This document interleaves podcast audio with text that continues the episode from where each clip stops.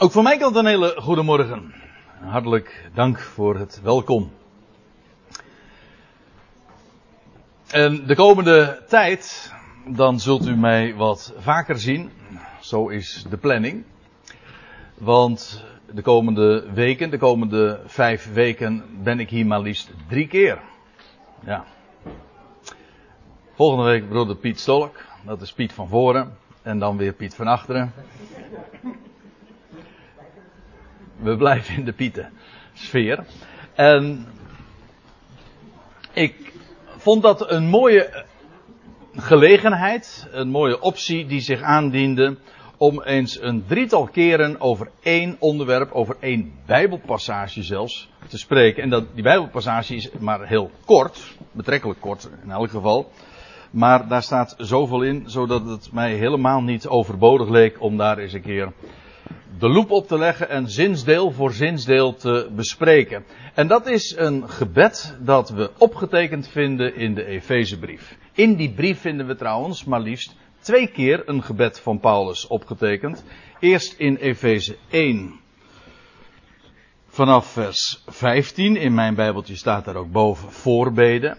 Dan begint Paulus, daarom houd ik ook ik, gehoord hebbende van uw geloof, niet op voor u te bidden en te danken enzovoorts. Dan het navolgende is dus een gebed van Paulus. En een soortgelijk fenomeen dient zich weer aan in het derde hoofdstuk als Paulus geweldige dingen heeft opgemerkt.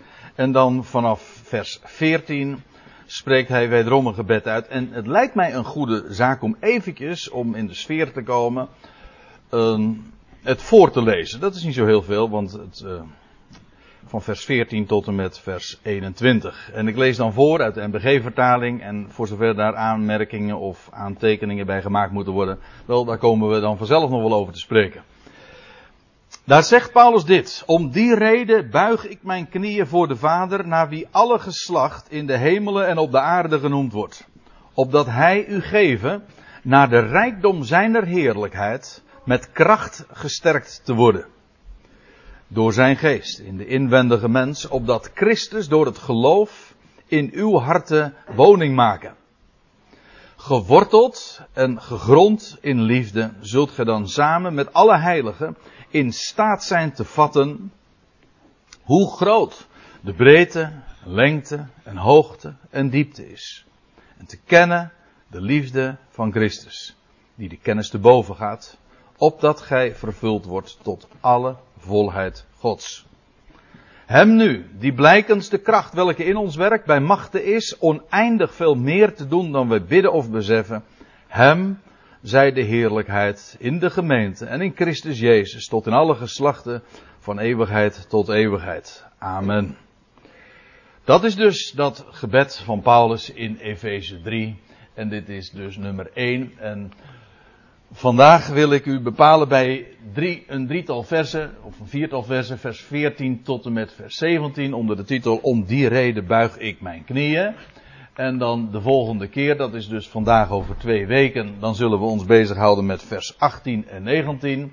En die heb ik alvast als titel meegegeven. De breedte, lengte, hoogte en diepte. En dan nog weer twee weken later, dat is dan inmiddels 2 augustus, dan hoop ik te spreken over bovenbidden en denken. En dat zijn dan die laatste twee versen, die lofprijzing, waarmee het gebed dan afsluit. Een schitterend gebed. Waar Paulus echt tot grote hoogte opklimt. Of moet ik misschien zeggen, reeds tot grote hoogte is opgeklommen. En juist dat brengt hem ook tot gebed. Laten we eens zien waar het zo over gaat. Er staat, en zo vangt het dan aan. Om die reden buig ik mijn knieën voor de Vader. Voor degenen die het nog niet weten, of die mij uh, niet eerder hebben uh, gehoord, nog eventjes ter toelichting. Hieronder vindt u dus een interlineair, zoals dat met een mooi woord heet. De bovenste regel, dat is de Griekse tekst, zoals Paulus die ooit optekende. Daaronder de meest letterlijke weergave en daaronder in dat lichtgrijze ziet u dan de wijze waarop de NBG dat heeft weergegeven.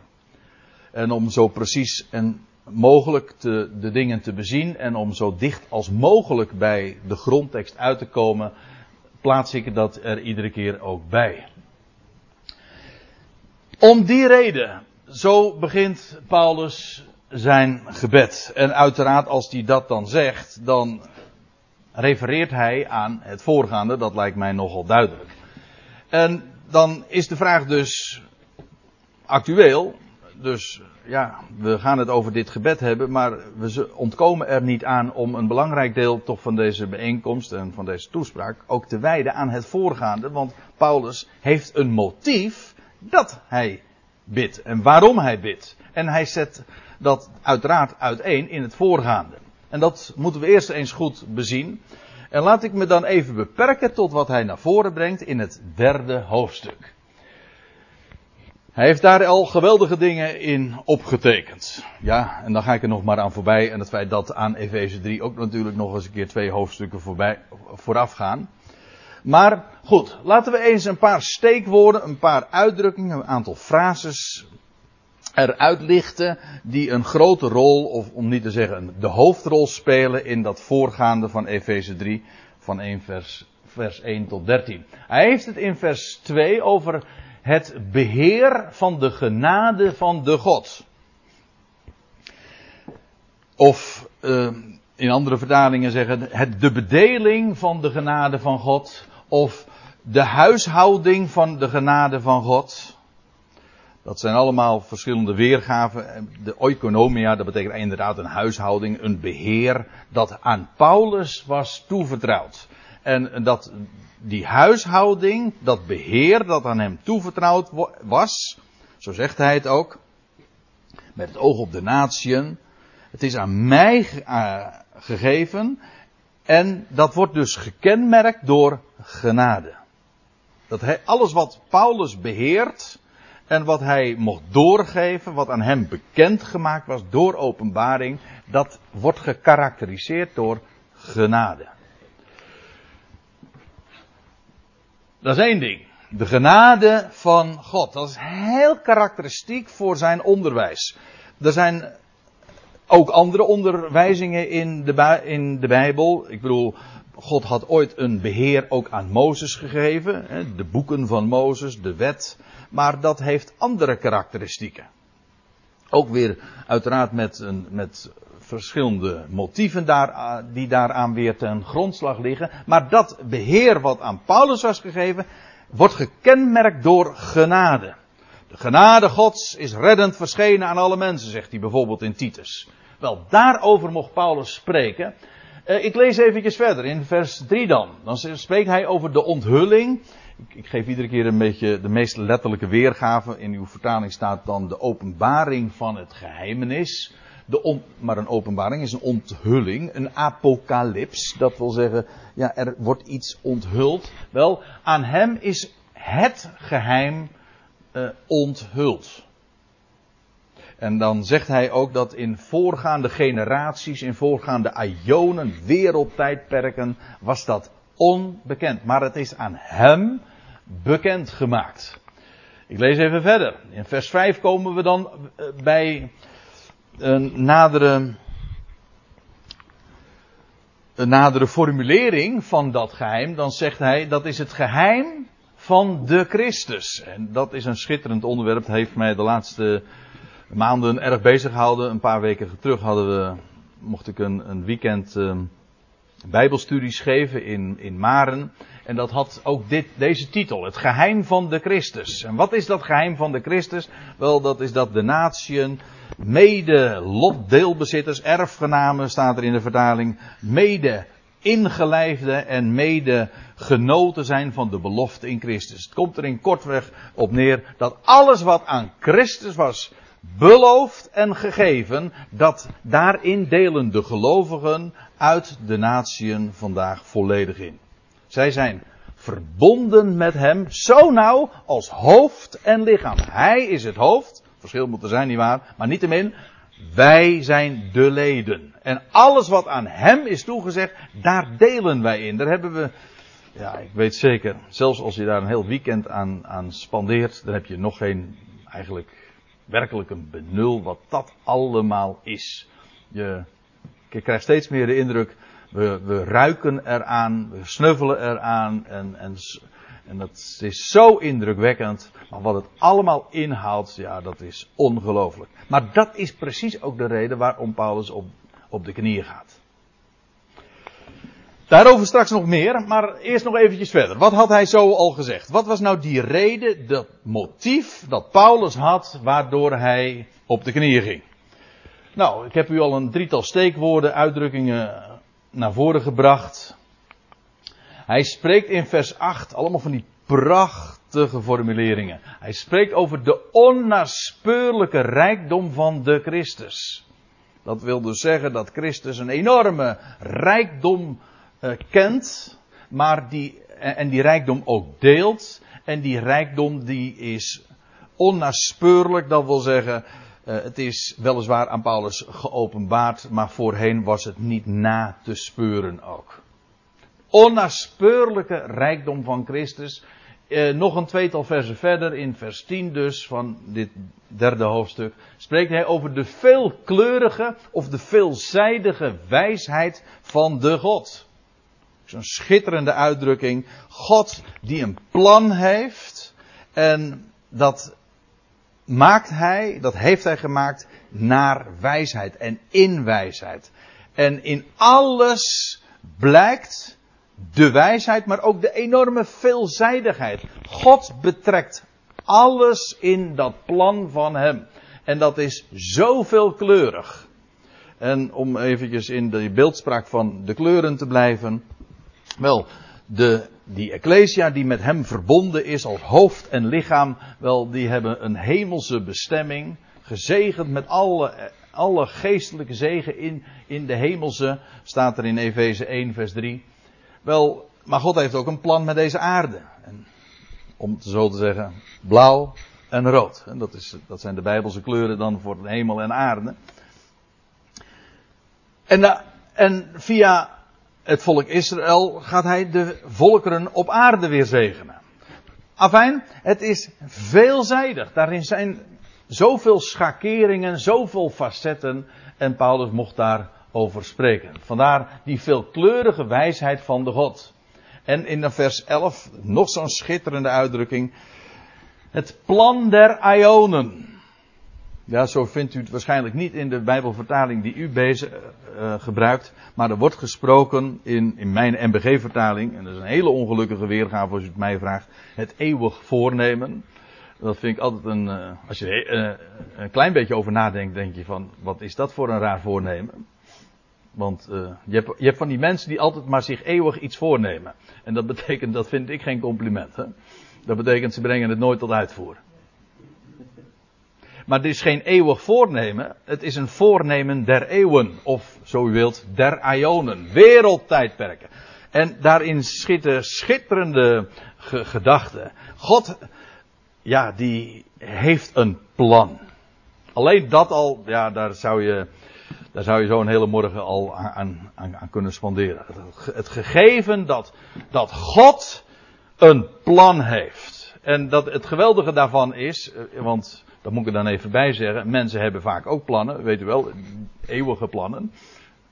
Maar, nee, maar hij heeft een plan, maar hij weet ook dat hij dat realiseert. En dat, er staat, Job zegt aan het einde van het boek, uh, van, het, uh, van het boek Job dus, Job 42, ik weet, dan, dan, dan legt hij de hand op zijn mond en hij zegt, ik weet dat geen uw plannen te verijdelen zijn. Wat God zich voorneemt, dat doet hij. En vandaar ook dat Jezaja zo, zo triomfantelijk kan zeggen. Nou, eigenlijk zegt God het bij monden van Jezaja. Hij zegt: Ik die van den beginnen de afloop verkondig. Kijk, dat is, dat is de God, de God van de Bijbel. Bij wie niks uit de hand loopt en die een plan heeft en hij werkt dat uit in wereldtijdperken. En dat is wat dat woordje aion ook betekent. Het is geen eeuwigheid, dat zijn wereldtijdperken die een begin hebben, een einde hebben. En hij werkt dat uit. Een plan der Ionen. Wel, dat zijn van die termen die, en Paulus heeft ze ook toegelicht en ik heb ze er zo even uitgepikt en uitgenomen om u een indruk te geven van dat wat Paulus in het voorgaande gezegd heeft. Zodat we ook een klein beetje, meer dan dat kan natuurlijk niet in zo'n bestek als van morgen, maar zodat we een klein beetje een indruk hebben van het motief wat Paulus op de knieën bracht. Als hij zegt, om die reden buig ik mijn knieën voor de Vader, wel, dan hebben we nu een klein beetje een indruk waarom hij inderdaad zijn knieën buigt. En als je je knieën buigt, dat is helemaal niet de vanzelfsprekende houding bij gebed, dat kan. Maar goed, je kunt in elke houding bidden, danken, met God spreken, met vrijmoedigheid. Dat kan staan, dat kan lopend, dat kan liggend. Al, voor al die houdingen kan ik zo uh, voorbeelden ook geven in de Bijbel. Maar hier buigt hij zijn knieën. Daar, als een mens zijn knieën buigt, wordt hij klein. Waar? En dat is ook precies wat, uh, wat het uitdrukt. Als je zulke imposante, grootse dingen naar voren hebt gebracht, dan word je klein. Hij buigt zijn knieën. Daar zit trouwens nog iets moois achter, namelijk in de, in de Hebreeuwse trant van spreken. Want uh, Paulus was een Hebreeër per slotverrekening, hij sprak Hebreeuws. En er is een woord voor knie in het Hebreeuws. Nou, dat verbaast u natuurlijk niet, want dat lijkt me vrij duidelijk. Nogal uh, logisch, ja. Maar uh, dat is het woordje baruch. Kijk, uh, want knieën buigen in de Bijbel, in het, in het Hebreeuwse denken, nou het Hebreeuwse spreken, is direct verwant aan het woord zegen. En hoe zit dat? Wel, je hebt het Hebreeuwse woord baruch, zo schrijf je dat, of barak. Maar dat, die klinkers, daar moet je niet zo druk maar over maken in het Hebreeuws, want die staan er feitelijk niet. Maar in elk geval, Baruch, Barak, hè, er zijn uh, mensen die zo heten. Trouwens, u weet, de secretaris van Jeremia, die heette Baruch. Een, een Israëlische premier, die. Hè? Sorry? Ehud Barak. Ja, Ehud is een Bijbelse naam, dat was een richter. En Barak dat betekent dus gezegend, maar dat is afgeleid van de stam van barak, en dat is knie. Dus, eh, en in de zin ook van knieën buigen. Dus als je zegt in het Hebreeuws knie, dan kom je dus uit bij dat woordje baruch, barak. En de knieën buigen, dat is in wezen synoniem met zegenen. Want dat heb ik nog eh, even niet gezegd. Want zo wordt het namelijk eh, in het Hebreeuws altijd ook vertaald. Als, als, als u in het Hebreeuws of in het Oude Testament het woordje zegen of gezegend leest, dan staat daar dat woord. Baruch. Of barak. De verschillende varianten. Daar maken we ons even niet druk om. Het gaat even om die stam. Dat is de, het, het idee van knie, knieën buigen en zegen. Die, dat is in feite één. En dat betekent ook dus dat feitelijk, dat op het moment dat je je knie buigt, dat is al de zegen. En Paulus heeft gesproken, ik citeerde het zojuist al even, hè, dat we gezegend zijn in Christus, te midden van de hemelse, daarboven, want daar is ons leven. Dat zijn allemaal hele bijbelse, Paulinische gedachten. Wel, daar is ons leven, maar daar is daar zijn we ook gezegend met elke geestelijke zegen. Overladen. Nou, wat gebeurt er als je overladen bent met zegen? Nou, dan ga je door je knieën. Hè? Nou, dat is precies wat hier aan de hand is. Hij buigt zijn knieën. Er wordt uh, heel wat keren in de Bijbel dat ook gezegd. Over mensen die hun knieën niet buigen, bijvoorbeeld. Voor Baal lees je, uh, je leest dat in Romeinen 11. En er staat ook, God heeft zelfs gezworen bij zichzelf dat voor hem elke knie zal buigen. Tot eer van God de Vader staat er dan achter in, en zullen beleiden met de tong dat Jezus Heer is. De knieën buigen. Om die reden buig ik mijn knieën voor de Vader. En ik heb dit laatste van vers 14 even bij vers 15 getrokken, want om iets duidelijk te maken. Want hij buigt zijn knieën voor de Vader, voor God dus, God, de Vader, naar wie alle geslacht in de hemel, in de hemelen, meervoud, en op de aarde wordt genoemd. Ja, en nu in deze weergave ontgaat je iets wat Paulus wel heel duidelijk heeft uh, weergegeven in de tekst. En dat is dit. Hij is, letterlijk staat er, ik buig mijn knieën voor de Vader. En dat is in het Grieks, uh, nou dat moet ik dan even zo doen, patera. En staat er dan, ik buig mijn knieën voor de Vader, naar wie elk geslacht in de hemel en op aarde genoemd wordt. Ja, maar daar staat in het Grieks het woordje patria en dat is gewoon letterlijk vaderschap. Dus die verwantschap ontgaat je als er staat de vader naar wie alle geslacht. Nee, maar het gaat er juist om elke, elk vaderschap. Ik weet, ik, er is geen kritiek op de vertaling. Je zou ook kunnen weergeven, zoals hier in de interlineair, familie. Dat is zo. Dat is ook een familie. Het woord komt nog twee keer voor in het uh, Nieuwe Testament. Want u weet, een vaderschap. Wat, ja, wat is vaderschap? Dat is dat je. Dat alles wat verband houdt met. Dat je vader bent, toch? Dat is het vaderschap. Moederschap is dat alles wat verband houdt met het feit dat je moeder bent. Wel, vaderschap is alles wat verband houdt met het feit dat je vader bent. Maar als, wat is het? Wat betekent dat je vader bent? Dat betekent dat je een familie hebt. Dus het is geen kritiek, maar het idee is vooral, het, de nadruk ligt op degene, de centrale figuur, en die daarin ook de leiding heeft, de oorsprong daarvan is. De vader is de oorsprong, maar heeft ook, uh, speelt een centrale rol, is ook verantwoordelijk voor de gang van zaken.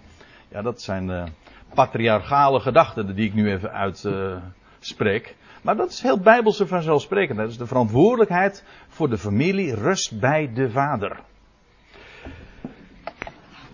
Paulus buigt zijn knieën voor de Vader, naar wie elk vaderschap, elke familie in de hemelen en op de aarde. Het is trouwens interessant, niet alleen families op aarde, er zijn ook dus families in de hemel. Allemaal vaderschappen, oh, groepen van wezens, creaturen. Ja, in de mensenwereld uh, zijn dat dan families, volkeren. In feite, eh, volkeren zijn dikwijls ook families, nietwaar? Ik bedoel, Israël is het, is het huis van Jacob, om maar wat te noemen. vaderschap, families. Paulus buigt zijn knieën voor de vader, naar wie elk vaderschap genoemd wordt. En dat genoemd wordt, dat betekent dus dat elke familie, elk vaderschap, haar oorsprong kan herleiden tot God de Vader. Elk vaderschap, elke familie wordt genoemd naar de Vader. En dat is uh, een boeiend gegeven. Dat betekent dat wij God vader noemen, dat is maar geen metafoor. Zo van wij kennen hier op aarde vaders. En om een klein beetje een indruk te krijgen dan van wie God is, noemen we hem ook vader. Nee, dan keer je de boel om. Hij is de vader. En dat is dus het begin, dat is het origineel. En het vaderschap dat we hier kennen op aarde, maar voor mijn part ook nog in de hemelen, dat is een kopie feitelijk van het echte, van het origineel. Hij is de vader en het vaderschap dat we hier kennen, wel, dat is daarvan afgeleid. Zo staat het er. De vader naar wie elk vaderschap in de hemel en op de aarde genoemd wordt. Dus hij is het begin, ja letterlijk, de vader, de oorsprong. Maar het vaderschap hier vindt zijn origineel, zijn model in hem. Hij is de vader. En elke familie, tot welke familie je ook behoort, en hoe je die onderscheiding dan ook maakt, dat maakt dus even helemaal geen verschil. Of in de hemelen, of hier op aarde. Elk vaderschap, elke familie is te herleiden tot de vader. En dat is een, eh, een, een geweldige gedachte. God is de oorsprong van heel zijn schepping. Hij is niet alleen maar God, maar hij is ook de vader van zijn schepping. Van elke familie in hemel en op aarde. Er is ook, ik weet het, er is ook nog een hele bijzondere zin van vaderschap. En dan spreken we over wedergeboorte. Hè? Dat je nieuw leven hebt ontvangen, het, nieuwe, leven van de nieuwe schepping. Dan is hij ook in die zin vader van je. een hele bijzondere betekenis. Maar gewoon als schepsel is hij jouw vader. In Malachi 2, vers 10 staat, dat is een retorische vraag, hebben wij niet allen één vader? Wordt er gevraagd. Heeft niet één God ons geschapen? En dat betekent dus, waarom noemen wij hem vader? Wel, hij is onze schepper. En er is één God, namelijk de Vader. En waarom is Hij onze Vader? Wel, Hij is onze Schepper. Hij is de Creator. En Hij is niet alleen maar de Schepper, zoals gezegd. Hij is niet alleen maar degene die alles plaatst. Maar Hij is ook als een Vader voor heel zijn schepping. Voor elke familie in de hemel en op de aarde. Dat betekent dus dat God zich bekommert om zijn schepping. Hij is die schepping trouw. Het is, komt bij hem vandaan. En als een vader zorgt hij ervoor. En let op, is hij er ook voor verantwoordelijk. Hij staat garant daarmee ook voor de goede afloop. Waarom? Hij is de vader. Daar zorgt hij voor. Hij voedt op. En dat kan hij soms misschien met harde hand doen. Maar niettemin, hij is een vader van elke familie in de hemelen en op de aarde. Heeft niet allen, uh, hebben niet alle één vader, heeft niet één God ons geschapen? En Paulus, dat is ook een boeiende, die moet u ook even in gedachten houden. Uh, daar staat, uh, als Paulus dan in Athene is, dat was ver voor de Griekse, ja ja, de recessie, ja. En Paul, Johan, Johan die zei van, nou, ik merk er helemaal niks van, hè. Als ik op... Ja, precies. Nou ja, laten we het daar even verder niet over hebben, over die Griekse dingen. Maar als Paulus daar in Athene is, en dan wordt hij uitgenodigd daar op de Areopagus om uh, het woord te voeren en te midden van een heel filosofisch gezelschap van Epicureërs en van Stoïcijnen en, en dan gaat hij het woord nemen. En Paulus blijkt dan niet alleen maar erg goed op de hoogte te zijn van de schriften. Trouwens, die citeert hij bij die gelegenheid helemaal niet. Wat hij wel doet, hij citeert hun eigen dichters. En dan zegt hij, van ja, hij zegt, uh, jullie uh, hebben nog een God vergeten, dat, dat, dat wisten jullie al. En hier staat een sokkel, een lege sokkel, aan de, uh, gewijd aan de onbekende God. Hij zegt, nou die God, die predik ik jullie. Die jullie niet kennen, die predik ik jullie. En dat is de God van hemel en aarde. In hem leven wij en bewegen wij ons. Nou, en dan zegt hij, eh, gelijk ook uw dichters gezegd hebben, en dan citeert hij dus een van hun eigen poëten, en ze, daar wij ook van Gods geslacht zijn. En hij citeert die dichter, die heidense dichter, met instemming. Wij zijn van Gods geslacht, wij komen uit hem voort. Hij is onze vader. Precies dezelfde gedachte dus als in Malachi 2. Hij is een vader voor zijn schepping. En elke familie in hemel en op aarde wordt daarnaar genoemd. En begrijpt u nu ook waarom Paulus dan op de knieën gaat? Zo'n kolossaal, zo'n alomvattende, alomvattend plan dat God uitwerkt. Hij, en waarom doet hij dat? Wel, hij is een vader voor elke familie. In de hemel en op aarde. Zo groots. En, en dat eh, wordt dus ook gedragen door liefde. Ik kom daar straks nog even op terug. Ik lees eerst even verder. Paulus buigt dus de knieën voor de vader, naar wie elke vaderschap, wie elke familie in de hemel en op de aarde genoemd wordt, opdat hij u geven naar de rijkdom van zijn heerlijkheid. Kijk, Paulus heeft geweldige dingen naar voren gebracht. En ook juist dingen die ons bezit zijn. Maar waar het nu om gaat, en dat blijkt nu in dit gebed zo duidelijk. Net als trouwens in dat eerdere gebed van hem in hoofdstuk 1. Namelijk dat we, en Peter zei het zojuist ook al in zijn gebed, dat we daar verlichte ogen voor krijgen. Dat we het gaan zien. Het is één ding om rijk te zijn. Het is een tweede ding om die rijkdom ook te kennen en daaruit te leven. Je kunt steenrijk zijn, maar als je het niet weet of beseft, leef je nog arm. Nou, en als Paulus gaat bidden, En ik, dat is in Efeze 1, dat is in Efeze 3, in Colossense 1 vind je weer een gebed. En altijd bidt Paulus daarom. Niet om onze behoeften enzovoorts, uh, dat wat wij vinden dat we nodig hebben, daar bidden wij altijd maar voor. En het gekke is, weet u wat Paulus daarover doet? Daar dankt hij altijd voor. Op voorhand. God weet wat we nodig hebben. En hij geeft wat we nodig hebben.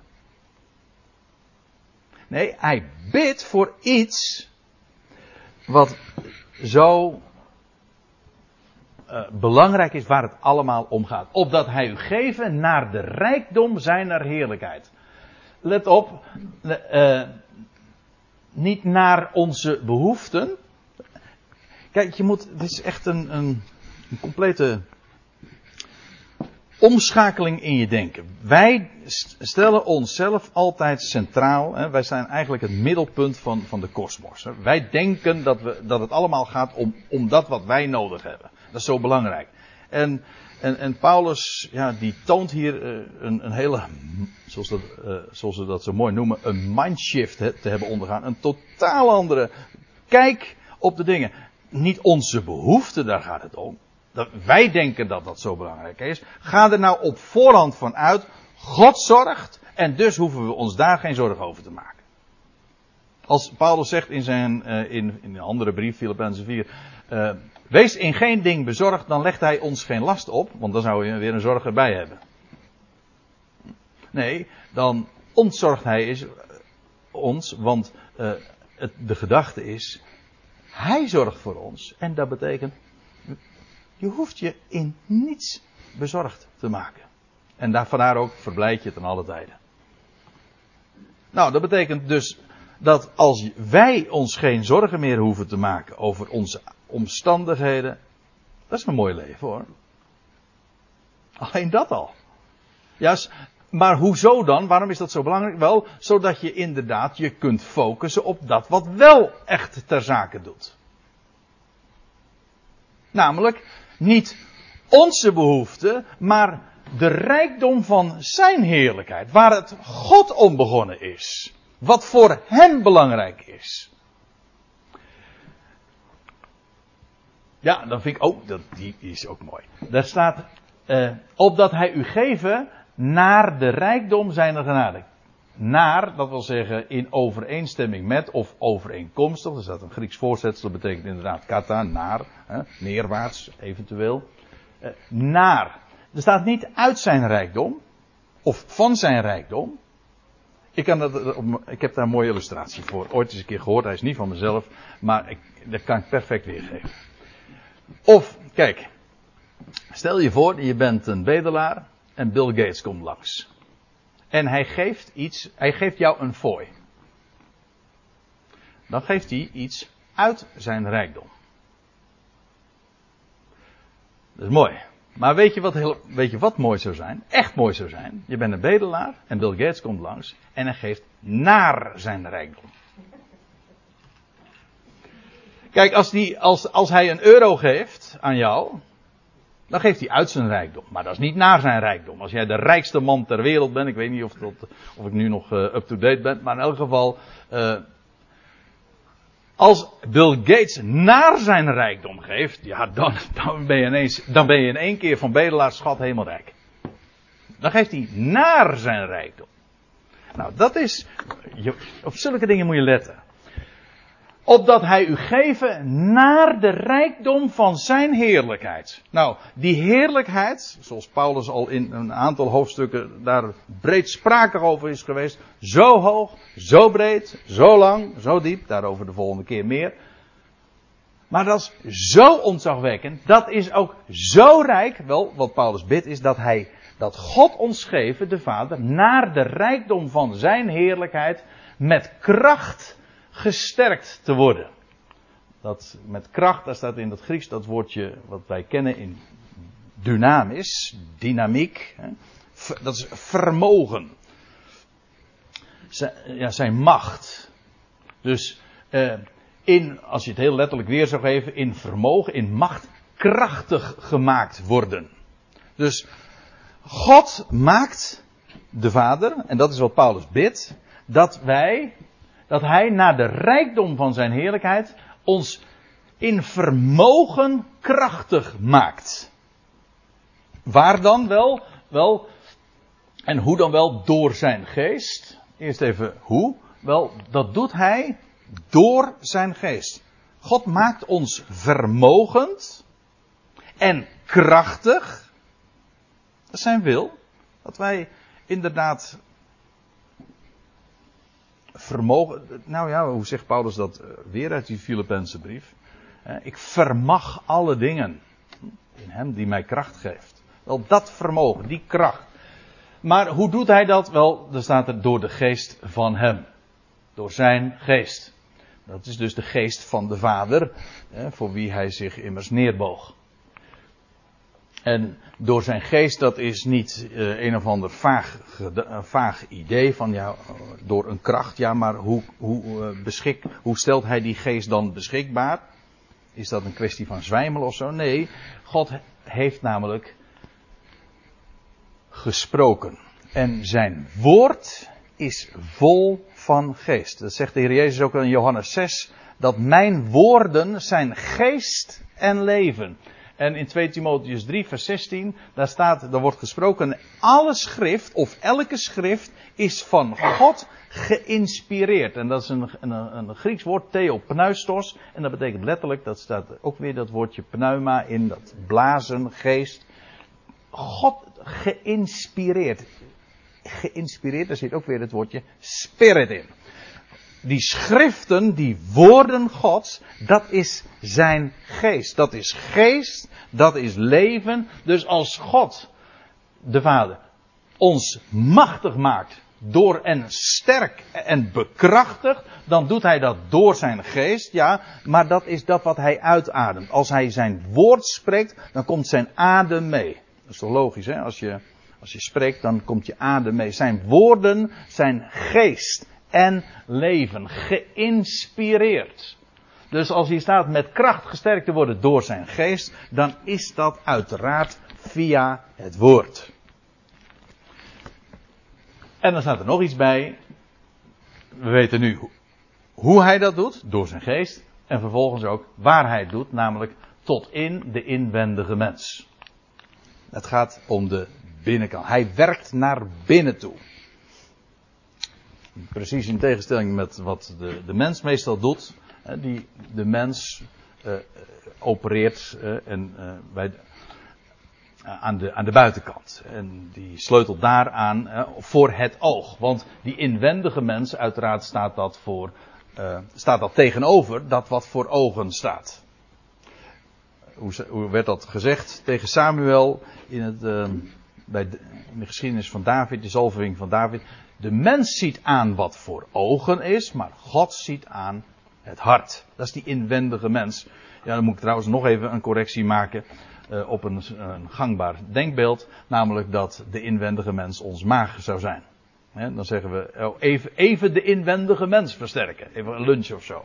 Nou, dat kunt u wel versterken. Dat is helemaal niet de inwendige mens. Dat is gewoon. De... Mooi, wat is dat?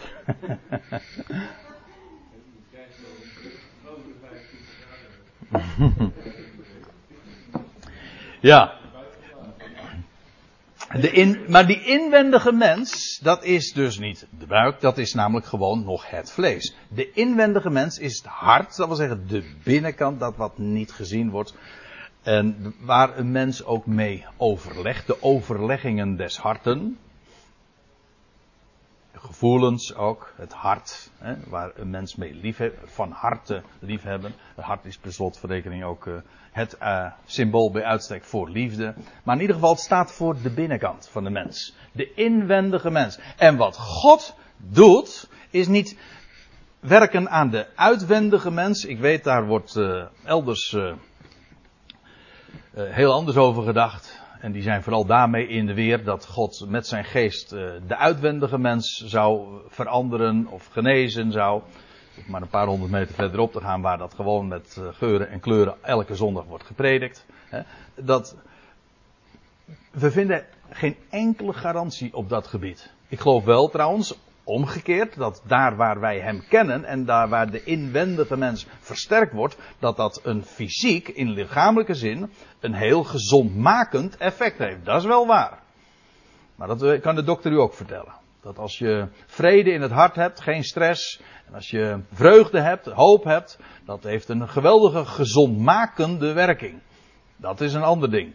Maar het gaat om die inwendige mens. Met kracht gesterkt te worden door zijn geest, zijn woord.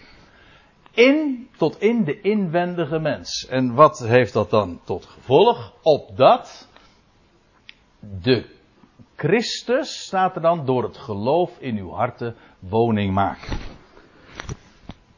Christus, eigenlijk staat hier de Christus. En ja, dat is een punt wat niet zo bekend is, maar ik wil dat toch bij deze gelegenheid wel gezegd hebben. Als Paulus het heeft over de Christus, zeker in deze context, het hoeft niet per definitie altijd zo te zijn, maar als hij het heeft over de Christus, dan heeft hij het over niet alleen maar Christus Jezus, dat is het hoofd, maar Christus Jezus is incompleet.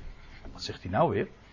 Ja, ik zeg het zoals ik het eh, bedoel zoals mijn hoofd ook incompleet is. Zonder lichaam. Uh, in Efeze 1, vers 23, daar lees je, en vers 22, nee, vers 23, daar lees je dat het lichaam de, de vervulling is, letterlijk de pleroma, dat is de aanvulling, de, het complement van Christus. Wij vullen Christus aan. Dat wil, of anders omgekeerd gezegd, zonder ons is hij niet compleet. Christ, als de Bijbel spreekt, of als Paulus het heeft over de Christus, dan heeft hij het over hoofd en lichaam. En dat is een schitterende samenvatting feitelijk ook van waar Paulus het over heeft. Paulus, de Heer Jezus, identificeert zich ook met zijn lichaam. Dat deed hij trouwens al bij de roeping van Saulus. Wat vervol hij Saulus vervolgde de, de Ecclesia, maar wat kreeg hij te horen? Saul, Saul, wat vervolg je? Mij. Die identificatie met elkaar.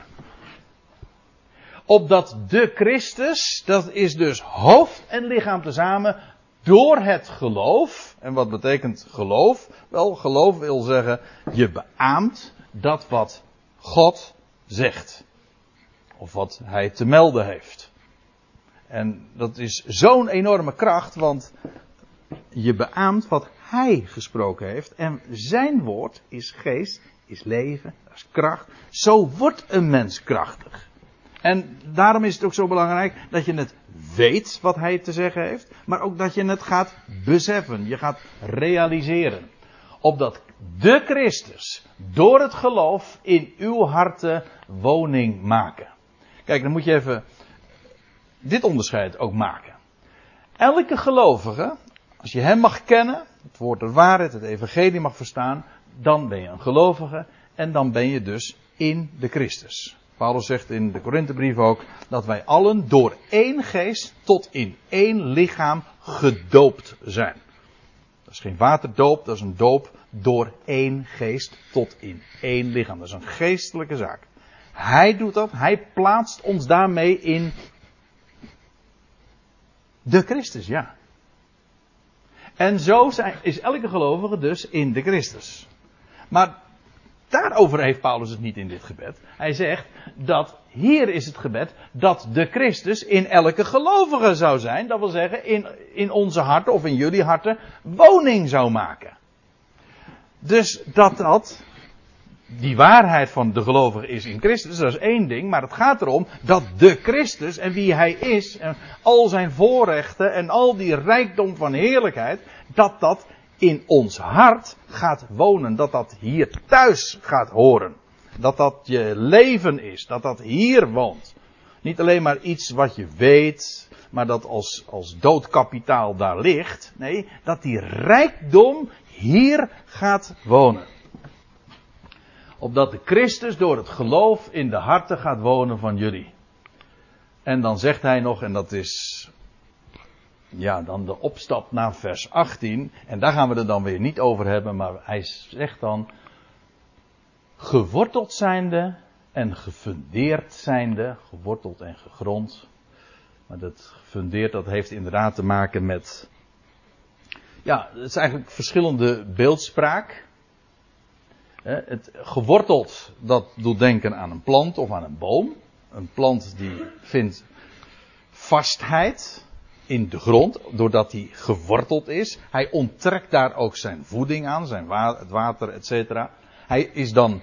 Het is de bedoeling ook dat je een boom, hè, een boom wandelt niet, een boom staat. En daar, het gaat erom dat je staat op dat fundament. In dat wat geopenbaard is, wat opgetekend is. De schriften, de rijkdom. Wel, dat je daarin geworteld bent al je voeding daaraan onttrekt, zodat je ook staat als een boom.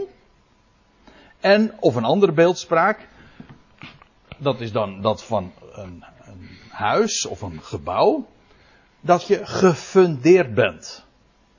En in beide uh, gevallen is de gedachte dat je staat. En staande blijft.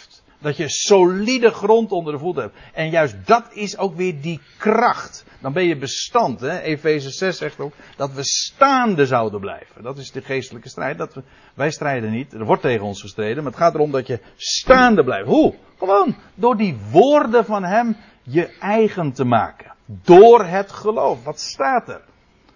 En dat te gaan beseffen. Geworteld en gegrond in de liefde. Of eigenlijk gewoon in liefde. Hier staat het woordje agape. Weer, dat is die hele bijzondere liefde, namelijk liefde die geen voorwaarden kent. Die je niet kunt verdienen door goed te doen en die je niet kunt kwijtraken door slecht te doen. Die onvoorwaardelijk is, want God, ik herinner u eraan, is vader. En een kind verdient geen liefde, kan die liefde ook niet kwijtraken. Je kan ook niet kwijtraken dat je kind bent. God is liefde. Hij is een vader. En als je hem leert kennen, wel, dan, word je, dan ben je eh, geworteld zijnde en gefundeerd zijnde in liefde. In de liefde namelijk van God. De onvoorwaardelijke liefde van hem. En u ziet, de zin loopt door.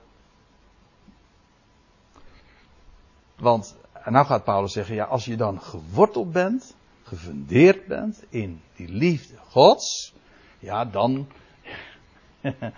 Eh, het is eigenlijk, eigenlijk dit, noemen, dit noemen ze een cliffhanger. Want dan gaan we, dan gaan we de volgende keer, dat is over twee weken vandaag, uh, vanaf vandaag dus, gaan we daarover verder spreken. Want dan gaan we zulke enorme perspectieven, dan gaan we vierdimensionaal kijken. Ja, en wat bedoelt Paulus dan?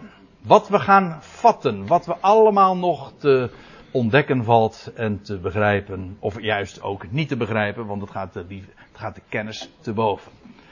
Daarover dus graag een volgende keer meer. Dat is vandaag dus inderdaad over twee weken. En ik stel voor dat we nu, Ton, een lied gaan zingen. En we hadden al afgesproken, het nummer ben ik even kwijt. 358, Glorie aan God was het.